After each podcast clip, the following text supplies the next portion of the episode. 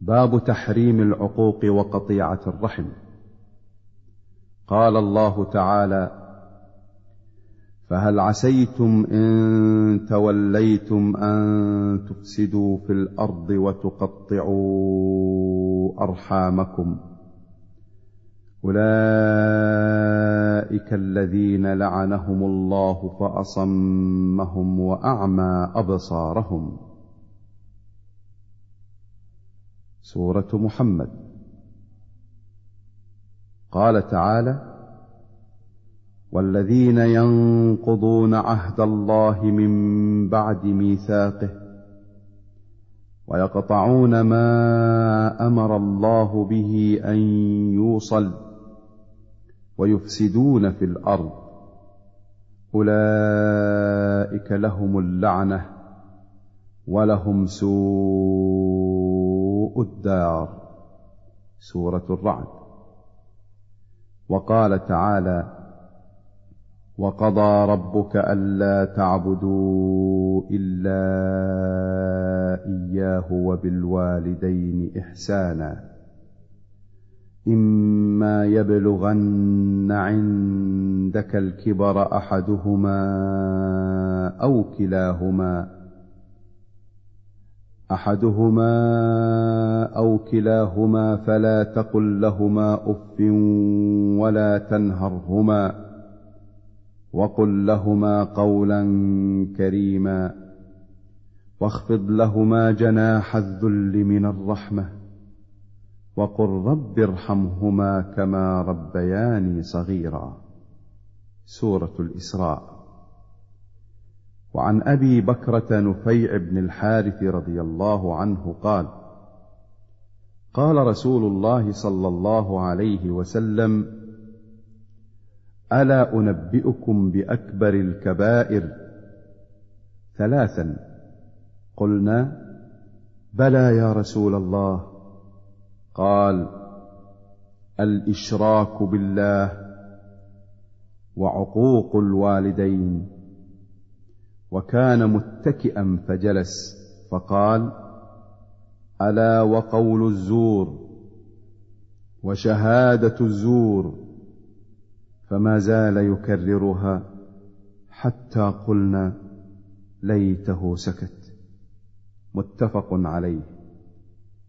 وعن عبد الله بن عمرو بن العاص رضي الله عنهما عن النبي صلى الله عليه وسلم قال الكبائر الإشراك بالله وعقوق الوالدين وقتل النفس واليمين الغموس رواه البخاري. اليمين الغموس التي يحلفها كاذبا عامدا سميت غموسا لأنها تغمس الحالف في الإثم. وعنه أن رسول الله صلى الله عليه وسلم قال من الكبائر شتم الرجل والديه. قالوا يا رسول الله وهل يشتم الرجل والديه؟ قال نعم يسب أبا الرجل فيسب أباه ويسب أمه فيسب أمه. متفق عليه. وفي رواية إن من أكبر الكبائر أن يلعن الرجل والديه. قيل يا رسول الله كيف يلعن الرجل والديه؟ قال يسب أبا الرجل فيسب أباه ويسب أمه فيسب أمه. وعن أبي محمد جبير بن مطعم رضي الله عنه أن رسول الله صلى الله عليه وسلم قال لا يدخل الجنة قاطع. قال سفيان في رواية يعني قاطع رحم. متفق عليه. وعن أبي عيسى المغيرة بن شعبة رضي الله عنه عن النبي صلى الله عليه وسلم قال ان الله تعالى حرم عليكم عقوق الامهات ومنعا وهات ووأد البنات وكره لكم قيل وقال وكثرة السؤال وإضاعة المال متفق عليه قوله منعا معناه منع ما وجب عليه وهات طلب ما ليس له. ووأد البنات معناه دفنهن في الحياة. وقيل وقال معناه الحديث بكل ما يسمعه. فيقول قيل كذا وقال فلان كذا مما لا يعلم صحته ولا يظنها.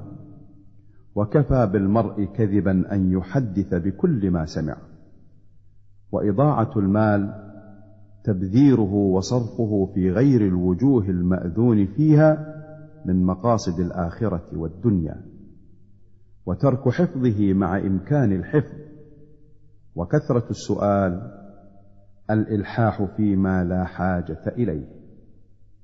وفي الباب أحاديث سبقت في الباب قبله كحديث وأقطع من قطعك وحديث من قطعني قطعه الله.